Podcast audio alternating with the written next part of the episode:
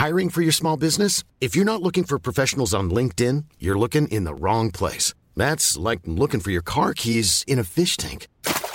LinkedIn helps you hire professionals you can't find anywhere else, even those who aren't actively searching for a new job but might be open to the perfect role. In a given month, over 70% of LinkedIn users don't even visit other leading job sites. So start looking in the right place. With LinkedIn, you can hire professionals like a professional. Post your free job on linkedin.com slash people today. Hey, I'm Ryan Reynolds. Recently, I asked Mint Mobile's legal team if big wireless companies are allowed to raise prices due to inflation. They said yes. And then when I asked if raising prices technically violates those onerous two-year contracts, they said, what the f*** are you talking about, you insane Hollywood ass?" So to recap, we're cutting the price of Mint Unlimited from $30 a month to just $15 a month. Give it a try at mintmobile.com slash switch. $45 upfront for three months plus taxes and fees. Promo rate for new customers for limited time. Unlimited more than 40 gigabytes per month. Slows. Full terms at mintmobile.com. Hej och välkomna till en podd där jag ska sitta nu i en timme med en kissnödig Alita, Alita Alita. Alita Clemens. Alita Clemens. Det är lite ditt soulnamn. Alita, Alita Clemens. Clemens. Du ska alltså vara kissnödig under hela den här podden. Det vet jag inte. Jag kanske avbryter podden helt tokigt nog och går ut och kissar. Jag kan köra en liten ståuppa då. Ja, Om de visst. skrattande hyenorna. jag, hade några så här riktigt bra ståuppisar i helgen. Jag är lite sugen på att börja med ståupp faktiskt. Jag har några, jag känner att jag kanske har några roliga skämt. Det vore roligt. ihop. Kan jag komma till Rå och Rå. Bron och titta på dig. Rå. Nej, det, det är en utmaning. Men Ja, det, men jag är fortfarande alldeles för rädd för sånt där. eh, jag tänkte bara fråga en sak. Mm. Eh, eh, en bekant till mig skrev på Twitter så här. Eh, har du någon Nej, jag måste superkraft? gå och kissa, förlåt. Okej. Jag kan berätta om den här. äh, Kissa snabbt. Ja, eh, en kompis till mig, eller nej, det kanske inte. Men eh, man kan säga en bekant till mig skrev på Twitter så här. Jag har en superkraft. Jag kan arbeta hela dagen utan att äta utan att det påverkar mitt humör. Har du någon superkraft? Då tänkte jag så här. Jaha, är det en superkraft? Okej, ja men eh, det kanske är. Jag är inte heller så himla påverkbar av vare sig om jag har sovit lite dåligt eller ätit lite dåligt. Men jag vet inte om jag tycker det är en superkraft. Eh, vad skulle kunna vara min superkraft? Min superkraft är nog att jag väldigt, väldigt, väldigt sällan eh, ser glaset halvtomt utan jag ser det helfullt. Som att jag till exempel hamnar i någon krissituation. Då är det väldigt sällan att jag lägger mig ner och känner så här det här är liksom helt kört. Nu ger jag upp. Utan jag börjar direkt tänka utvägar, krishantering hit och dit. Och det är ju en superkraft som man kanske skulle vilja översätta lite mer till vanliga livet. Att man hela tiden gick omkring med superkrafter. Jag tycker problemet faktiskt i det här samhället, just i det moderna samhället vi lever i, att alla ska vara såna jävla superkraftmänniskor. Alltså, det kanske bara är att erkänna att man ibland är lite svag. Det finns liksom någon rädsla för svaghet tycker jag. Att när någon säger att den mår dåligt eller vare sig det handlar om psykisk ohälsa eller vad det nu handlar om. Då börjar folk skruva på sig lite och det blir lite jobbigt. För det är sånt man kan skriva om på internetet eller eh, Sitter du och kör monologpodd? Precis. För det tycker jag är väldigt tydligt att väldigt många som skriver om sin psykiska ohälsa, hur dåligt de mår. Jag läste senast en tjej som jag följde häromdagen som var så jävla ledsen för att hon inte hade fått ett jobb. Hon var så här, nej, innan har jag alltid känt så här, nej nu så här, ruskar jag på mig och så går jag vidare och så antar jag nya utmaningar. Men nu är jag så här helt knäckt att jag inte fick det här jobbet. Hon mådde så himla himla dåligt och det kändes så ärligt. För just det här med karriär, det tycker jag är den nya akilleshälen. Det får vi inte låtsas om om vi känner oss misslyckade. Utan den psykiska ohälsan angående det privata eller att man är utbränd för att man har jobbat så himla mycket i sin karriär. Det får man gärna skriva om. Gud vad spännande. eller hur? sagt. Ja, och jag bara känner så här, men gud vad befriande. Det, det är någon helt ny, jag blev så här, kände att jag andades ny frisk luft.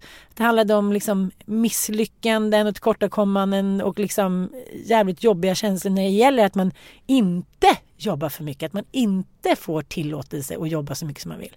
Tyckte det var spännande. Ja, Ja, jävligt spännande. ja.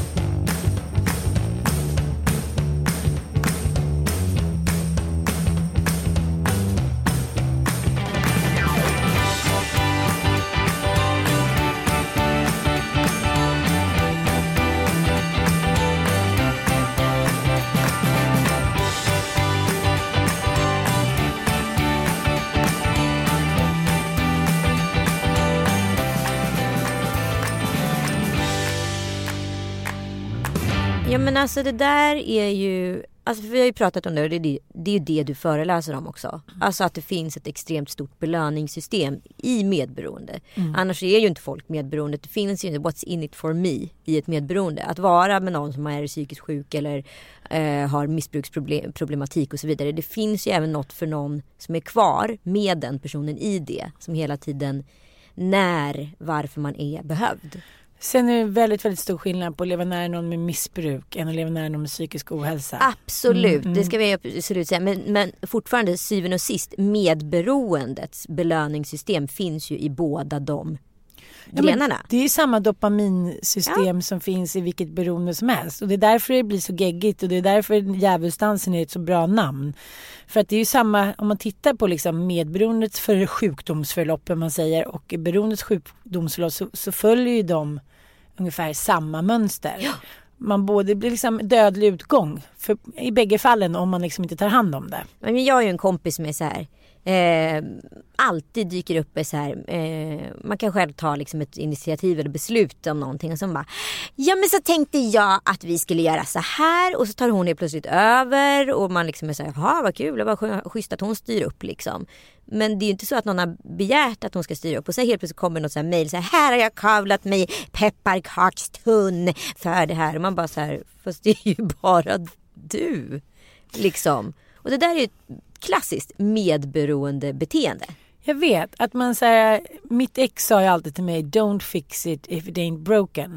Så här, vi bad inte om det. Vi har det jättebra vi som sitter här och sitter framför soffan och fiser. Vi behöver inte gå på några kalas eller vi behöver inte gå på någon liksom, konstutställning eller baka bullar. Vi, så här, vi kan köpa bullar på ICA och bara sitta och mysa. Så här, sluta, låt oss bara få vara, vara oss själva.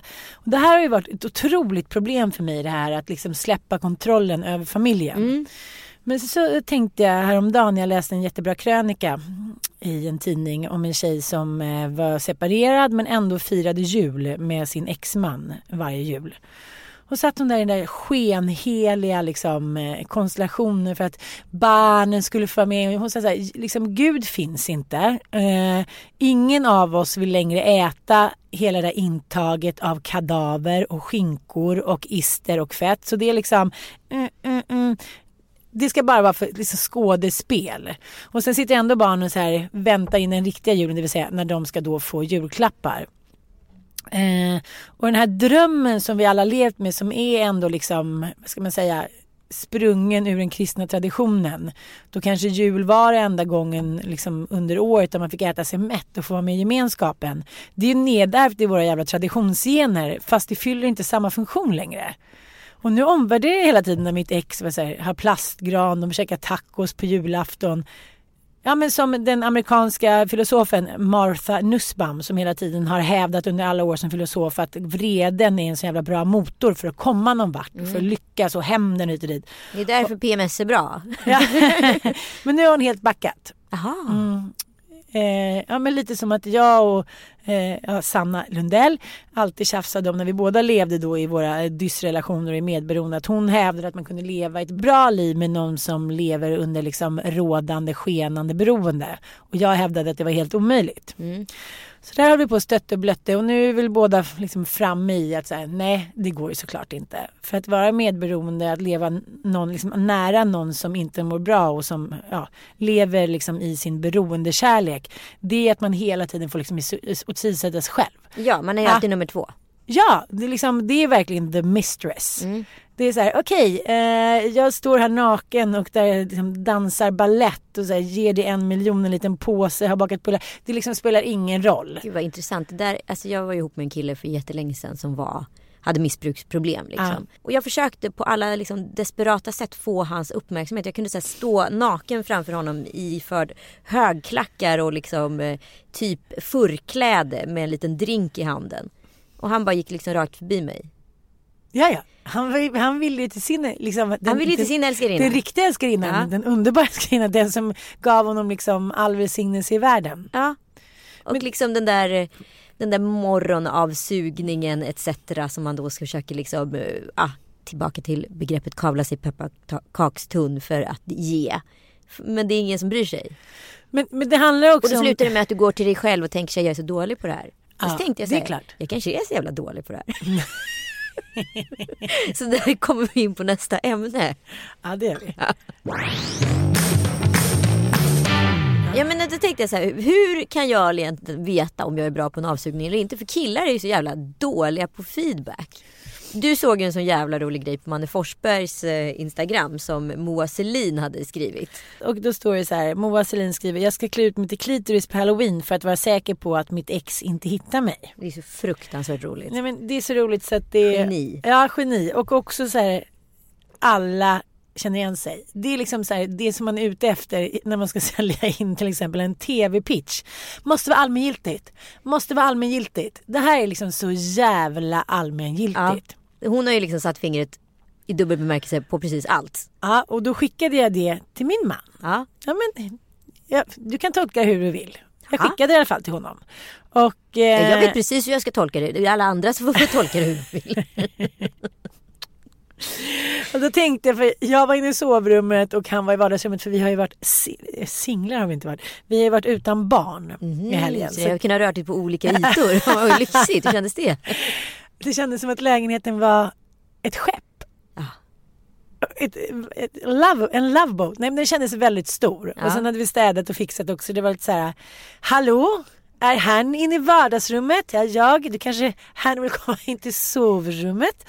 Eh, Okej, så du var då i vardagsrummet eller var han ja, så när jag var i sovrummet och låg i sängen och han satt och, och kollade. pilla? Ja.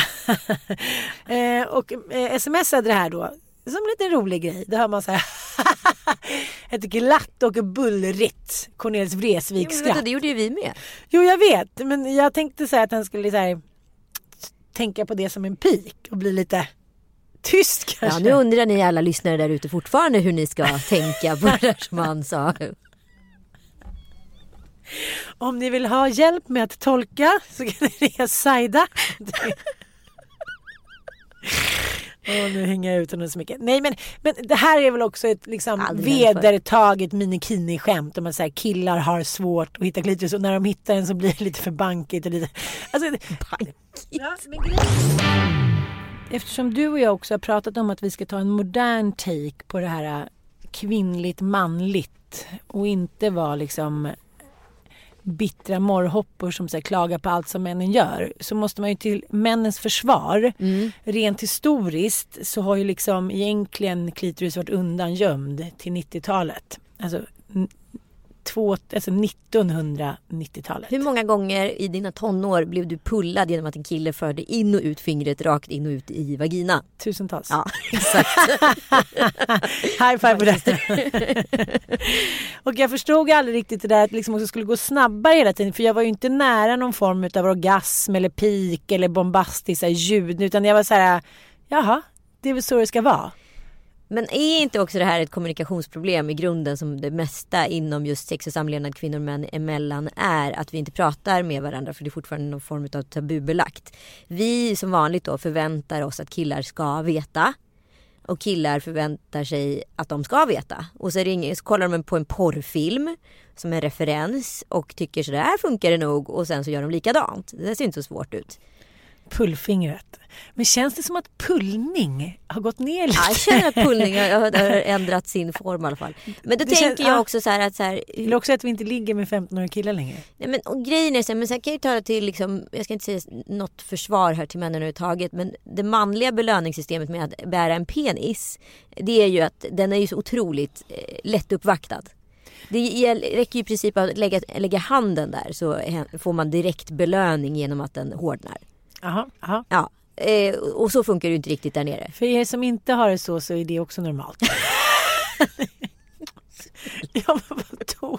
Ja, nej men och då kan ju vi kvinnor då lätt tro att så här, oh, det räcker att jag bara drar huden här lite upp och ner på den här skinnspiken. Sen är han kåt och glad och sen är det bara att stoppa in den. Gud vilken bra eh, tillfredsställare jag är när det kommer till orala eller eh, vad ska jag säga, eh, runktjänster i det här fallet. Men det vet vi inte heller om. Är vi så jävla bra runkare? Men det är aldrig någon snubbe som säger någonting. Men vi är väldigt måna om att skrika vad klitoris finns. Eller, eller, nej, det kan vi ju inte vara eftersom så få män verkar ändå veta riktigt vad de ska göra med klitoris. Ja, men alltså, du får ju tänka på att det är två olika former av organ här. Klitoris är ju inte liksom in your face som en stående penis är. Nej. Det är klart att vi måste säga till mannen, där ska du ta. Och här ska du gnugga på det här sättet, så blir det skönt. Ja, men, men det verkar vara någon straffmentalitet. Precis som du pratar om. Så här, ha, vet de inte? Då så! Ungefär som vet, när man bråkar när man var liten eller som jag tycker både många kvinnor och män gör. Så här, hade man bråkat istället för att gå in till den man älskar som man tycker har sårat den och lägga liksom, hjärtat på golvet och säga så här, jag blev jätteledsen. Så ska det ut och marscheras på stan och det ska visas Det är självständighet. svårt och, att säga förlåt. Det är som hos eh, dagisbarn. Det är jobbigt att säga förlåt för saker det är som man själv har gjort. så jäkla svårt och det blir liksom tydligen inte lättare med åren. Nej. Nej, men om vi då lite snabbt bara drar klitorins historia. Mm. tycker jag är Vad lite hette man intressant. så här, att hon hette? Klitoris. Ja. Klitorisa. Klitoris yes. Unga fröken Klitorisas och hennes farmor Klitorisis. Tråkig nu. Tråkig. Skulle se i Det är så dålig nivå på det Ja, jag vet. Ah, det blir bra också. På 1500-talet då eh, ansåg man att både kvinnor och män hade ungefär samma könsorgan. Att, att ja, men klitoris var en liten inåtvänd noppedoni. Inte helt fel. Nej, nej. Eh, men men eh, man varnade både kvinnor och män för att om Nej, men särskilt kvinnor då, om, om de betedde sig som män så kunde deras penis trilla ut. Oj då. Ja, jag vet Det inte. låter inte så dumt. Sen då, eh, Rialdo Colombo, eh, 1559 så hävdade den forskaren då som fanns på ett universitet i Italien att han har upptäckt klitoris. Och då skriver han så man här, upptäckte Amerika ungefär. Det här var i och för sig en, en, en, alldeles, en mycket större upptäckt. En annan Colombo. Han skriver då på italienska. Eh, I allra högsta grad är hemvisten för kvinnans njutning klitoris och den liknar penisen. Om du rör vid det ska du finna att det blir aningen styvare och avlångt till en sån grad att det ter sig som en slags manslem. Men han menar också att den här värdelösa kroppsdelen knappast fanns hos friska kvinnor.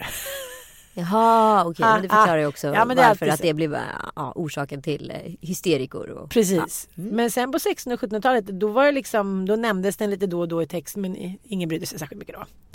Sen 1844 då dyker medicinaren Georg Ludwig upp, Kobelt, och beskriver liksom klitoris struktur in i minsta detalj. Och då blir hela klitoris storlek känd. Och han säger dessutom att klitoris yttre del, ollonet, är ett mer känsligt organ av slidan med tanke på att det finns massa nerver där. Ja, det låter ju också Ja. make sense. Ja men han, då är han liksom Han har ju löst gåtan klitoris tidigt. Ja. Sen försvinner den eh, och eh, kommer tillbaka eh, lite senare då och anses då vara liksom Återuppstånden från de Precis. döda. har varit borta där. Hängde det här ihop med någon form av kyrkoreformation så är det inte ett dugg konstigt. Nej det gjorde den säkert men nu kommer det allra hemskaste. Vi, ni som inte har lyssnat på den så i Vill förra... varna känsliga lyssnare. Ja, nej det var inte jag utan det var ju förra Lille Lördag Crime. Så pratade vi om psykiatrireformen och vidriga saker som i psykiatrins då namn har utförts där, bland annat lobotomi.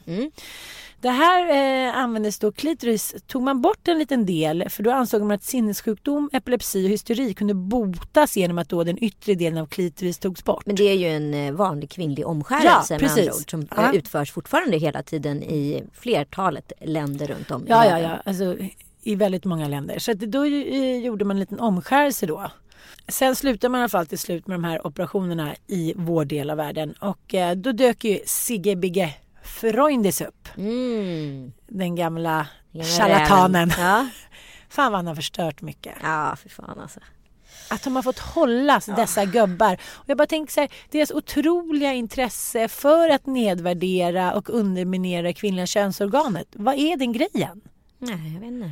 När man slutar med operationen då dyker då som jag sa Sigmund Freud upp och eh, konstaterar att eh, klitorisnjutning är en omogen utvecklingsfas. För att han menar det är det här penisavundet. När en kvinna då inser när hon har hållit på med sin klitoris att hon faktiskt ändå inte har en penis. Så slutar hon stimulera den eftersom hon skäms över att ha en sämre utrustning. Den så kallade penisavundet. Gud vilken manlig konstru- konstruktion utav ett känsloliv kopplat till en kvinna. Ja, det är så dåligt. Det är så jävla grunt. Det är för att han förmodligen inte fick ligga.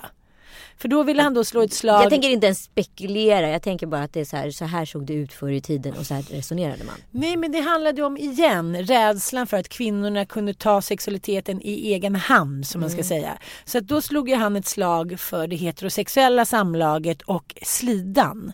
Att kvinnor kunde då inte nå njutning om de inte fick en, en, en kuk i fittan.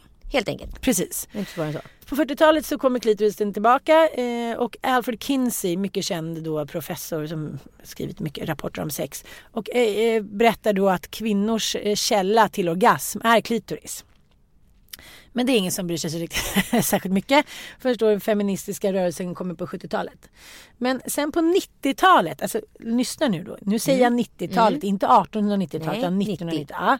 Då eh, upptäcker den här australiensiska urologen Helen O'Connell att det är något som inte stämmer i anatomiböckerna.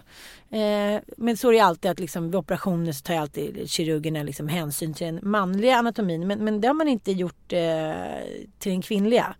Så eh, läroböckerna har inte beskrivit att klitoris har alla de här tusentals miljontals nerverna och blodtillförsel. Så det här publicerade hon 1998 i eh, Journal of Urology och eh, det är först då som klitoris hela storlek har blivit belyst. Det var alltså 1998. Då blev... 1998, Mm. det är 20 år sedan.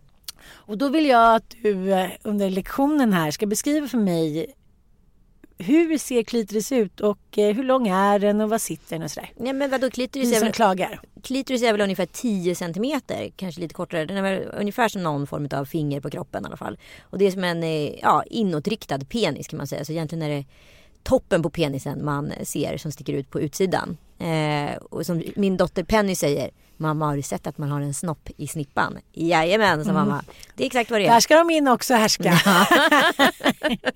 Så eh, helt enkelt är det snoppen i snippan man ser en bit utav och där är det väldigt trevligt att peta och Var, gnugga. var sitter den någonstans? Alltså det sitter precis ovanför själva urinmynningen skulle jag säga. Under blygdbenet ja. Ja.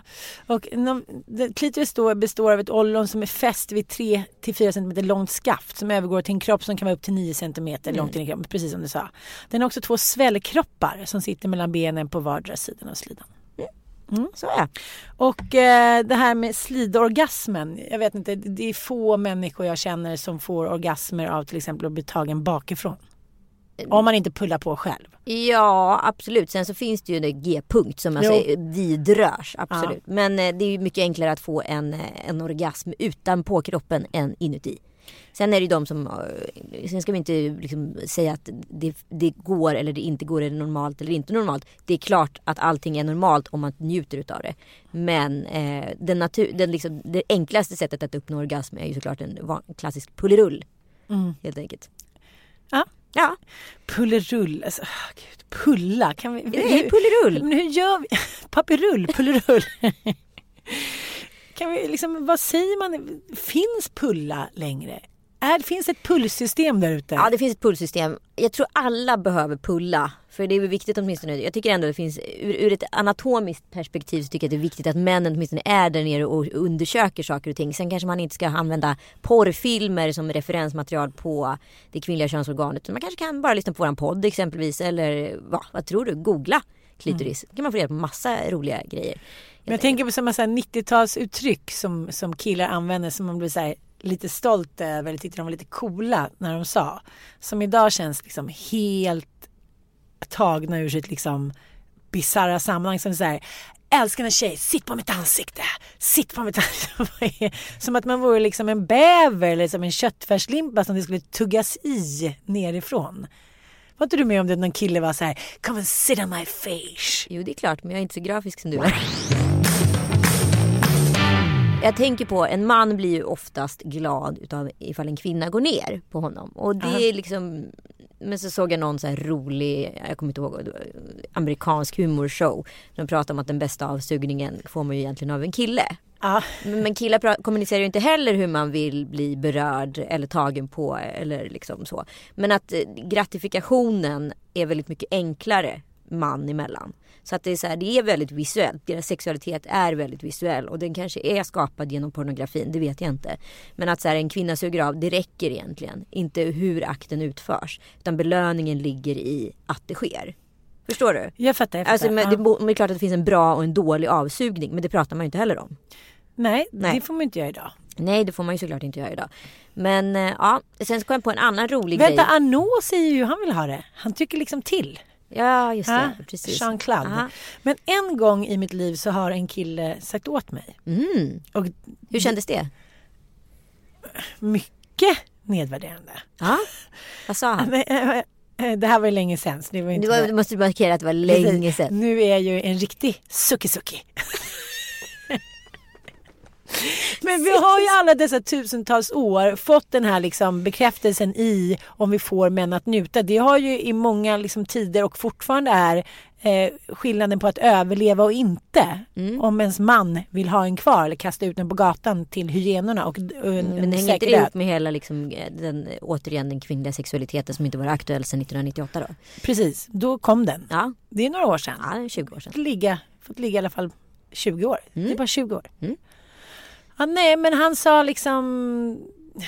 Jag tyckte att han hade en otrevlig ton. Men det är klart att han inte hade. Han tyckte liksom det var för mycket tänder och det gick för fort. Och lugna ner er lite. Liksom, se den inte som så här, någonting som du ska så här, erövra. Det är inte ett arbetspass. Utan så här, jag liksom, precis som jag vill ha kärlek vill den också ha kärlek. Jag bara, Oj vilken Okej. fin feedback ja, ändå. ja. Jag säger, jaha. nu, nu ljudillustrerar han. Precis en avsugning här. Ja, ja. Men den tycker jag att vi släpper nu. Eh, Vi förstår alla vad han sa. Vi tar Mm. till oss, vi analyserar och kontemplerar och går vidare. Ja, men allt handlar ju om, jag måste bara säga det nu när vi återkommer till vår helg där vi har liksom haft lite tid. Att det mesta handlar om så här, hamna i, ett, liksom i en avslappnad zon. Gärna en bit ifrån liksom disk och tvätt och barn. För att så här, äh, hinna fråga varandra och se varandra. Liksom, det är läskigt. Det är läskigt att fråga den andra. Det är inte så himla lätt som man tror. Absolut inte. Nej. Sen har jag kommit på en jätterolig grej. Jag vet inte, det här är så otroligt ytligt. Det är så otroligt ytligt och grunt. Nu ber jag om Till ursäkt. skillnad mot pullningen menar jag. Ja, nu ber jag om ursäkt på förhand till alla lyssnare. Man kan inte vara briljant alltid. Det får man ju erkänna. Modest. jag kommer på, du vet när killar gör så här töntiga runkrörelser ibland. Du vet så här. Ah, ja. Går förbi varandra. Ja. Då har jag insett att de runkar ju i samma storlek som deras penisar. Aha. Du menar att de håller upp eller håller in? Nej men, nej, Ja. men de gör ju exakt den runkrörelse som de har så inprogrammerat sen, sen liksom pojkålder i princip. Ja. Eh, Så att så här, det de greppar i när de gör sin låtsas illustrerade penis, det är de facto den penisen de har. Så vill man spotta en penis storlek, då ska man kolla på en runkrörelse. ska man avkräva en låtsas runkrörelse i luften. Från och med onsdag ser man kvinnor gå omkring med så här skarp blick hela tiden. Det är som i springspåret när man är ute och springer i tights. Alla bara kollar i varandras gren hela tiden. cyklisterna, de lever farligt. De Alltså. lever farligt. de, de är så Det utvalda. är därför alla män plus 40 börjar cykla. Ah, de vill ha sexuell bekräftelse. De vill bli Ja. tittade på. Ja, det är väl klart. Det blir väl vi också. Så satte hon på sig ett par tights idag, dagen till Jag ska ära. träna. Ja, just det, men det har du sagt nu de senaste fyra åren vi har poddat. Jag har insett nu att jag har så liten röv. Att alla Den mina... har försvunnit upp i, I slippan. Nej men alltså den är så obefintlig så att jag kan inte längre ha några byxor. Nej, jag vet. De åker liksom bokstavligen ner. Det är, så- alltså jag brukar inte bli generad över dig, eller jo det blir jag faktiskt ganska ofta. Men sist var vi på ett möte med så här, i fem män i ett rum. Ja. Och Ann liksom ska böja sig fram och ta lite kaffe och visar alltså på riktigt hela stjärtamentet för så här mötesrummet. Och jag ser att alla rodnar och jag själv rodnar så fruktansvärt. Men jag kan ju inte så här vara den assholet och säga så här andra upp byxorna. Det blir ju kränkande. Nej, vad det- gör, nej, nej, vad gör inte. jag här? Då låter jag alltså din det, det lilla som är kvar.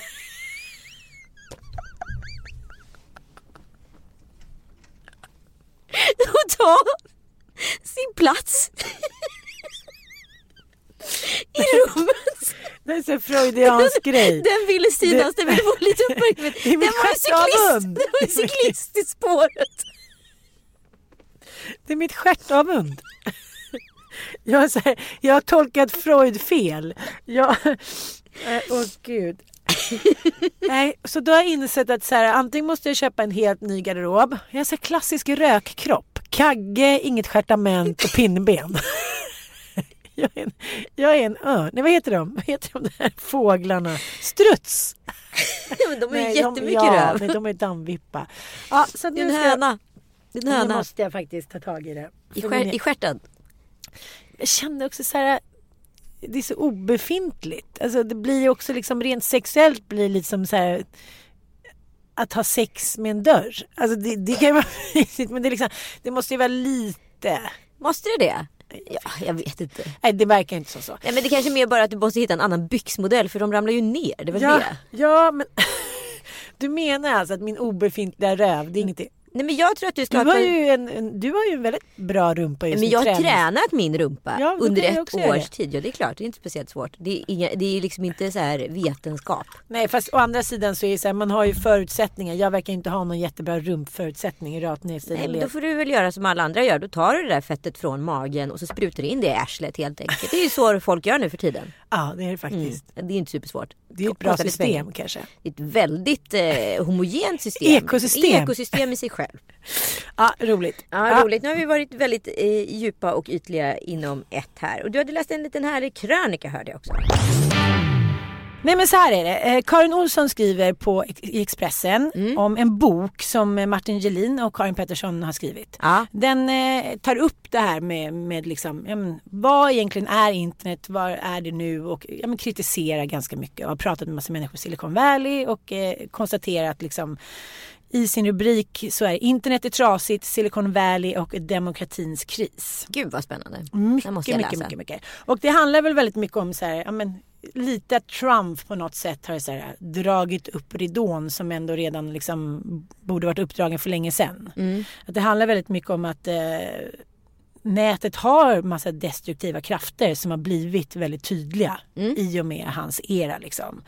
Eh, och nu är det som att alla har vaknat till. Myndigheter och EU och bla bla. Det är bara i Sverige som man bråkar på på högsta regeringsnivå utan att göra någonting åt det här överhuvudtaget och inte förstår anledning och syvende sist. Jo men alltså om, om man tänker så här att när internet kom så var ju de här datanördarna, de var ju så här, vad ska man säga, charmiga liksom nördar som kom och så här, wow, kommer framtiden och ingen trodde väl riktigt på det här. Det var liksom lite gulligt. Ja, men grejen är vadå, det spelar inte bara, det handlar inte bara om internet, det handlar om vilka företeelser som helst som är uppfunna och skapade utav människor. Som vi alla blir, skapar en behovssituation utav. Det som är grejen med internet är ju att det skapar ju ett eh, kollektivt medberoende.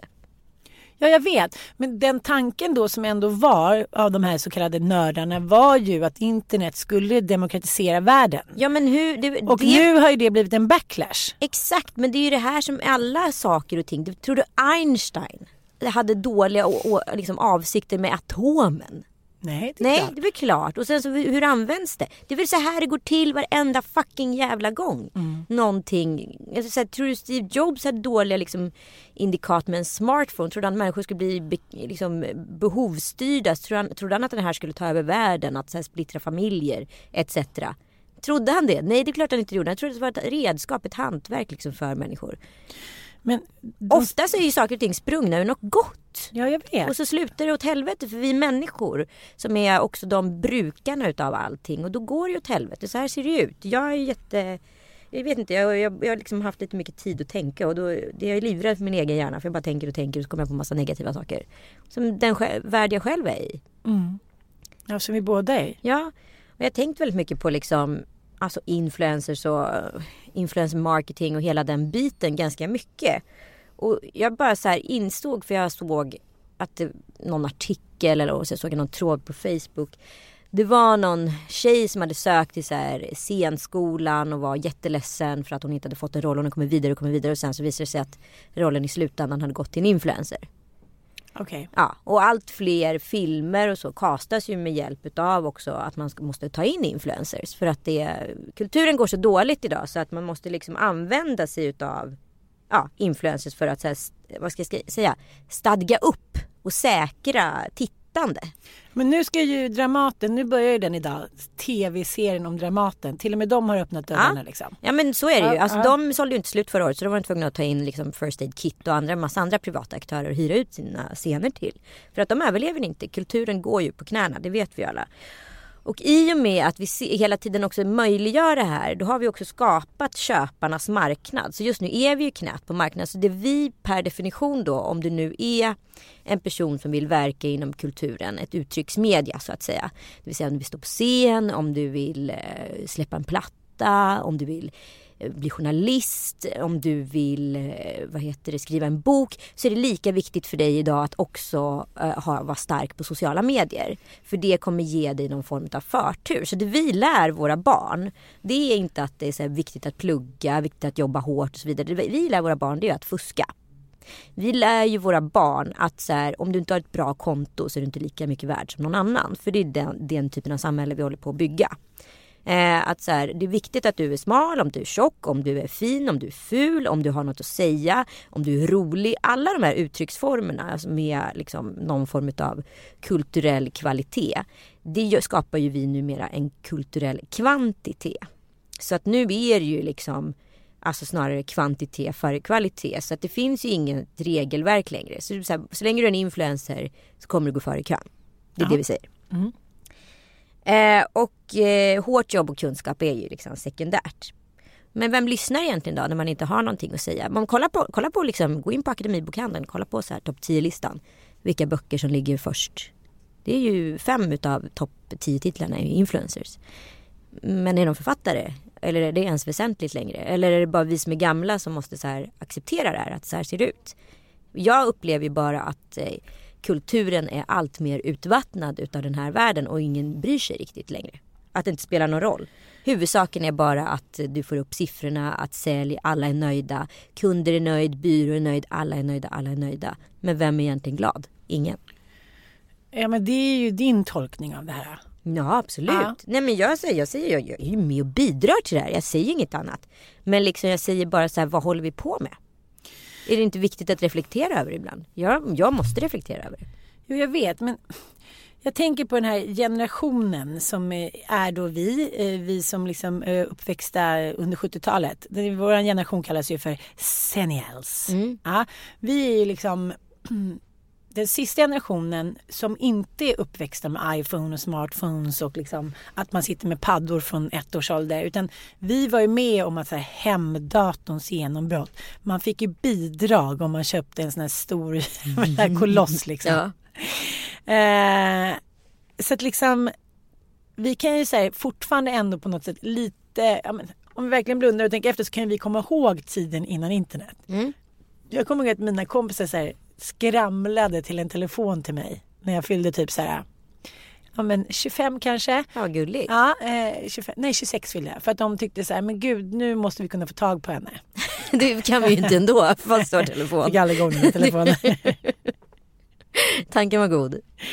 Eh, men, jag tänker också den här debatten som pågår som du och jag också pratar om hela tiden. Alltså, den är ju inte, vad ska jag säga, den är liksom den handlar ju om, tycker jag, till syvende och sist så måste vi kanske gå tillbaka till så här, vad är det viktigt för människan, precis som du pratar om. Ja. Kulturen, hur ska vi leva tillsammans? Alltså så här, det här kommer ju utarma hela mänskligheten Ja, om vi fortsätter umgås via nätet. Ja men också till sist så blir det ju ingenting som betyder någonting. Och så här, jag tror också att vi börjar ta demokratin för given.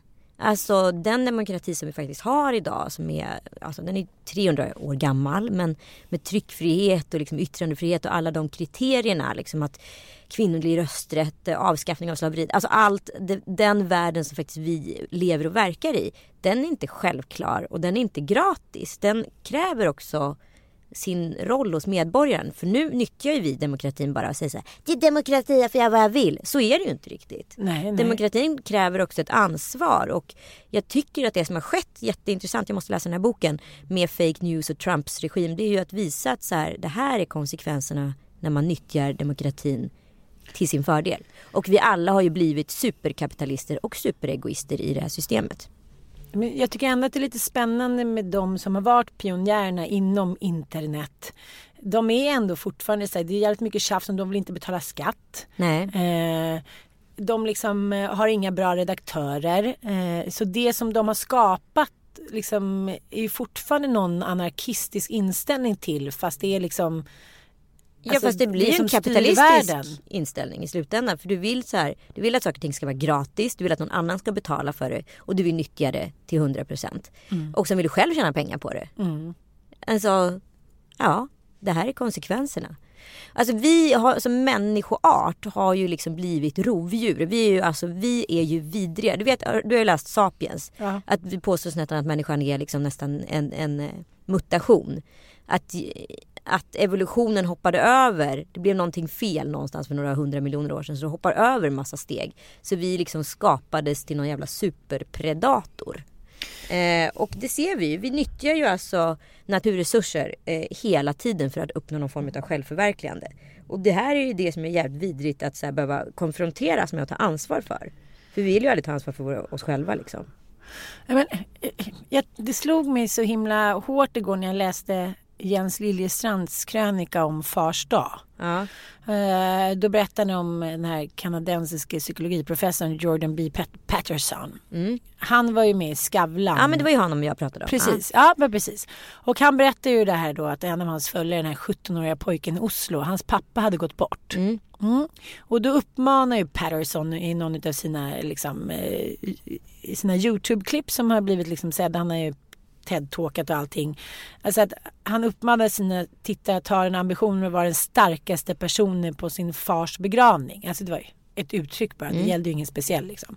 Så den här 17-åriga killen från Oslo, han hade tagit det liksom och han hjälpte sin mamma och stöttade henne och höll ett långt minnestal på begravningen.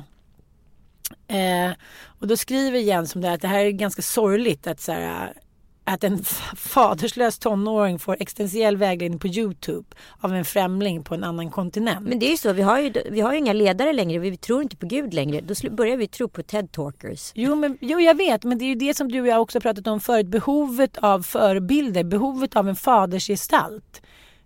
Det finns inte så många fadersgestalt. Det, fin- det, är som du säger, det finns inga landsfäder, det finns inte särskilt mycket fäder som är bra förebilder. Då börjar man ju famla. Ja men det är väl klart. Då är, det så här, då är nätet, människor på nätet ens förebilder. Ja, men Förstår du hur avgrundsdjupt det blir? Förstår du hur beroende, hur, alltså det blir liksom, man kan inte greppa det. Nej, men vilken det- makt de har. Det är det som är det sinnessjuka i det här. Okej, nu har vi demokrati, nu har vi makten, har vi fått allt det här. Och då börjar vi själva liksom demolera ner våra förebilder till liksom beståndsdelar. Bryter man upp en människas liv till ett, eh, i ett makroperspektiv så kan du hitta 300 000 fel. Lyfter du upp ett av de felen, då kan du rasera en människas karriär. Alltså så ser det ut. Men förr i tiden så fanns det ju liksom, som jag förstått i USA och allting, varför 80-talet var så himla signifikant. Nu var ju det också rep- väldigt republikanskt era liksom. Men det var ju för att så här, det fanns en kulturell agenda där det var så här We wanna make heroes, we wanna make our nation, bla bla bla, we're gonna be patriots. Och det var liksom inga negativt laddade ord. Utan så här, och den bilden man har utav USA det var ju verkligen att de lyckades med att bli the greatest country in the world. I alla fall för oss i väst. Ja. Eh, och liksom vi är så otroligt rädda för så här patriotism idag. Så att vi, så här, vi klarar inte av det.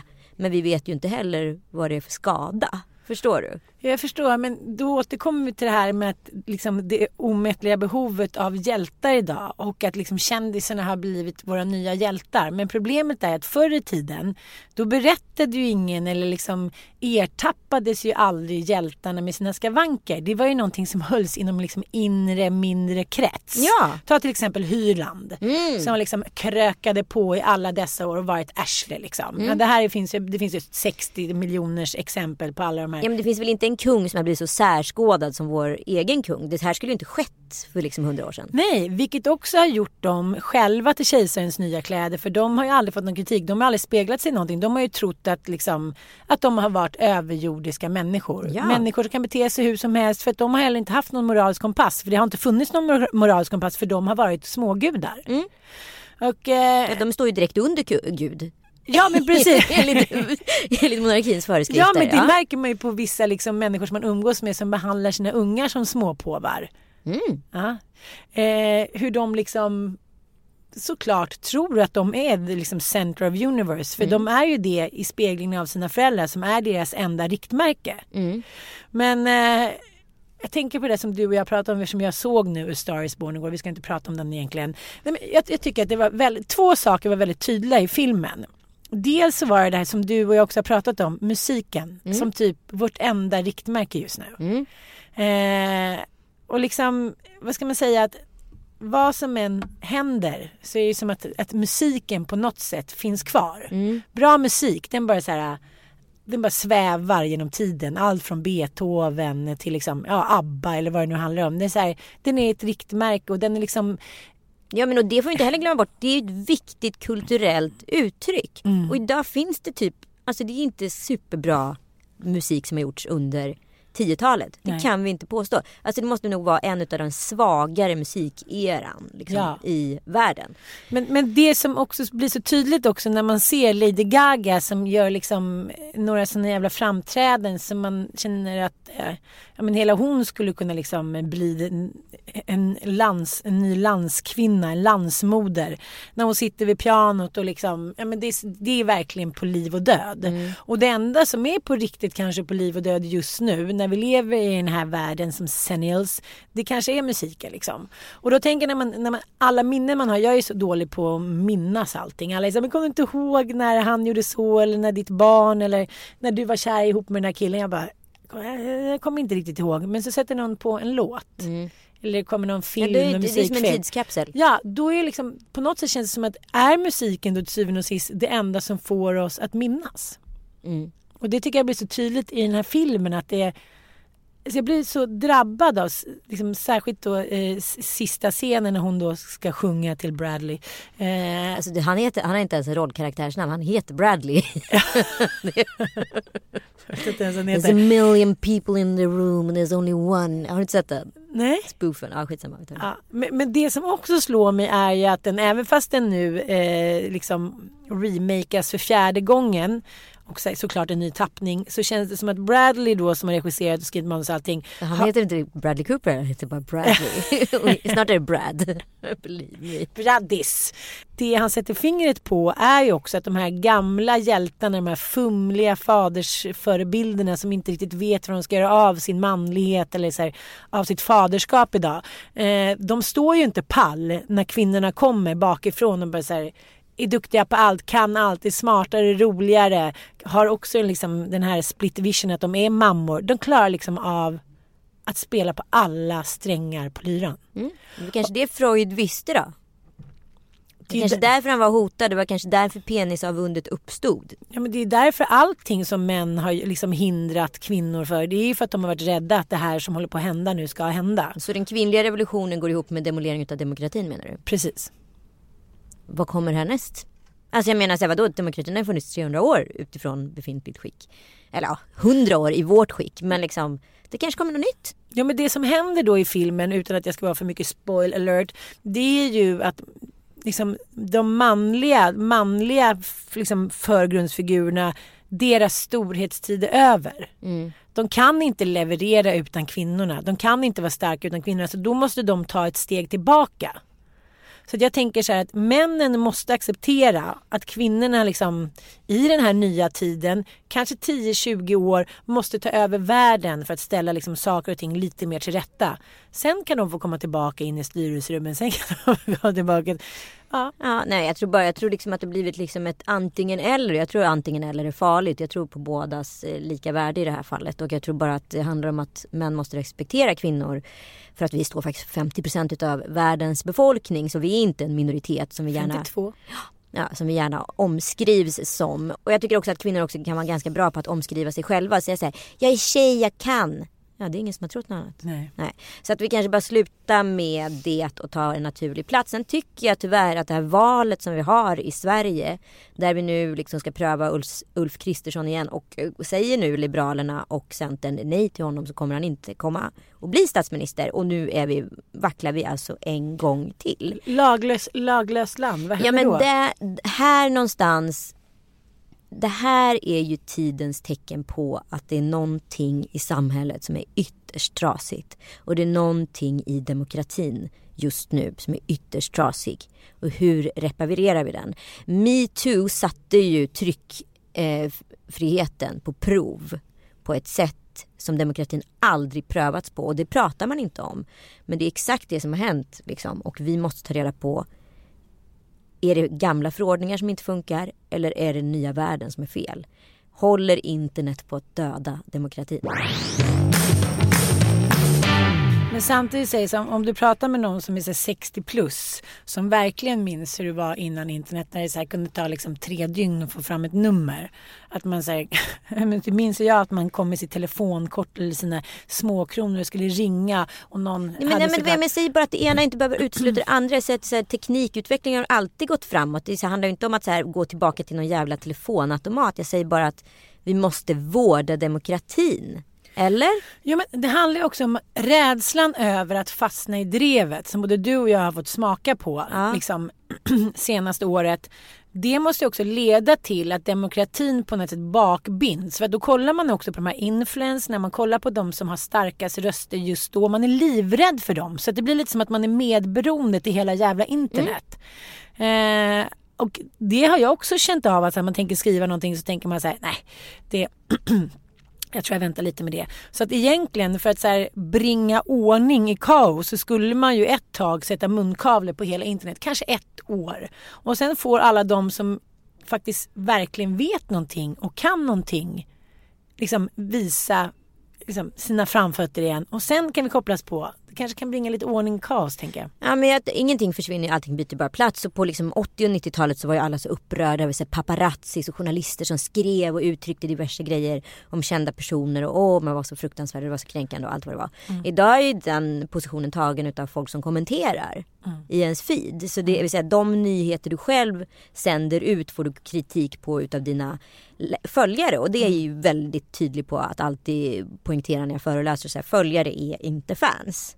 Följare är följare. De kan vända dig i kappan imorgon och så kan de komma tillbaka och så kan det hålla på sådär. Men de är inte fans. Ingen är lojal idag. Och förut agerade, hanterades ju den här sektionen utav journalister.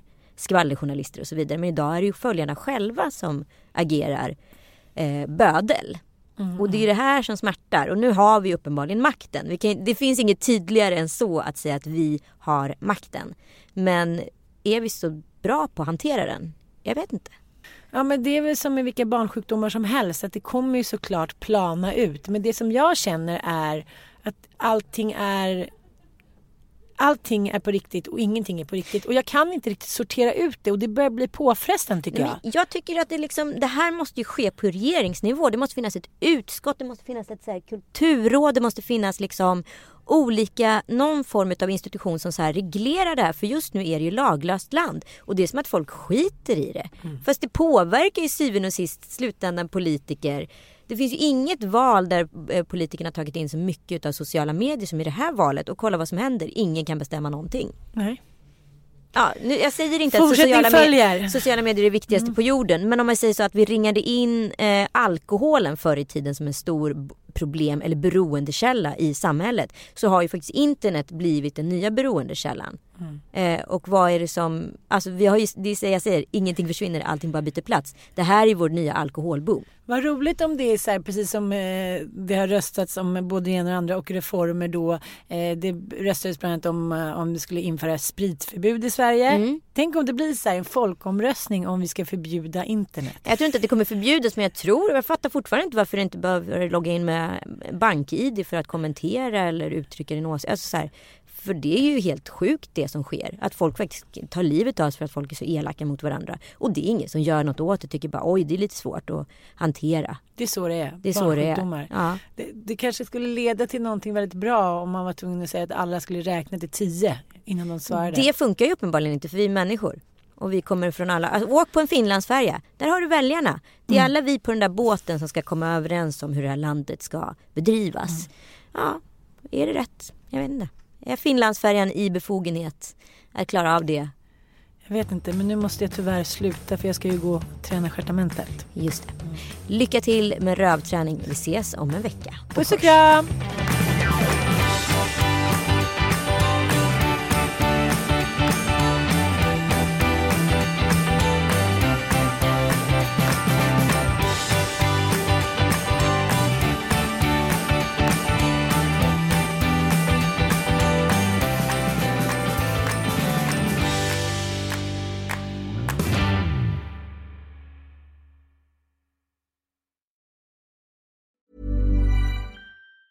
Even on a budget, quality is non-negotiable. That's why Quince is the place to score high-end essentials at 50 to 80% less than similar brands. Get your hands on buttery soft cashmere sweaters from just 60 bucks, Italian leather jackets, and so much more.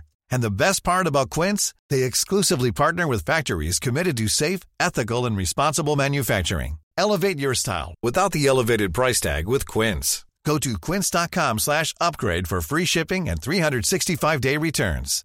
Hi, I'm Daniel, founder of Pretty Litter. Cats and cat owners deserve better than any old-fashioned litter. That's why I teamed up with scientists and veterinarians to create Pretty Litter. Its innovative crystal formula has superior odor control and weighs up to 80% less than clay litter. Pretty Litter even monitors health by changing colors to help detect early signs of potential illness. It's the world's smartest kitty litter. Go to prettylitter.com and use code ACAST for 20% off your first order and a free cat toy. Terms and conditions apply. See site for details.